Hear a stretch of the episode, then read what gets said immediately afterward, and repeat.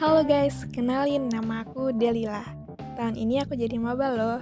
Semangat ya untuk kalian para maba. Aku jurusan aktuaria dari Institut Teknologi Sumatera.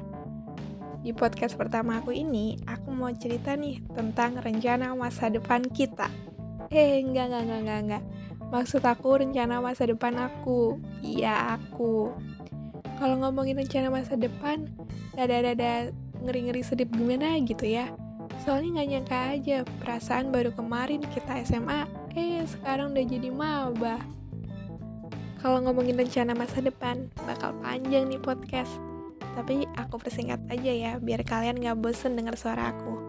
Kalau rencana masa depan, terbagi kan jadi dua, rencana masa depan pendek sama panjang. Kalau dalam jangka pendek ini, yang pertama aku mau mengikuti kegiatan PPLK ITERA dengan baik. Yang kedua, menjalin relasi atau pertemanan dengan banyak orang. Dan yang ketiga, mencoba beradaptasi nih dari dunia SMA ke dunia perkuliahan.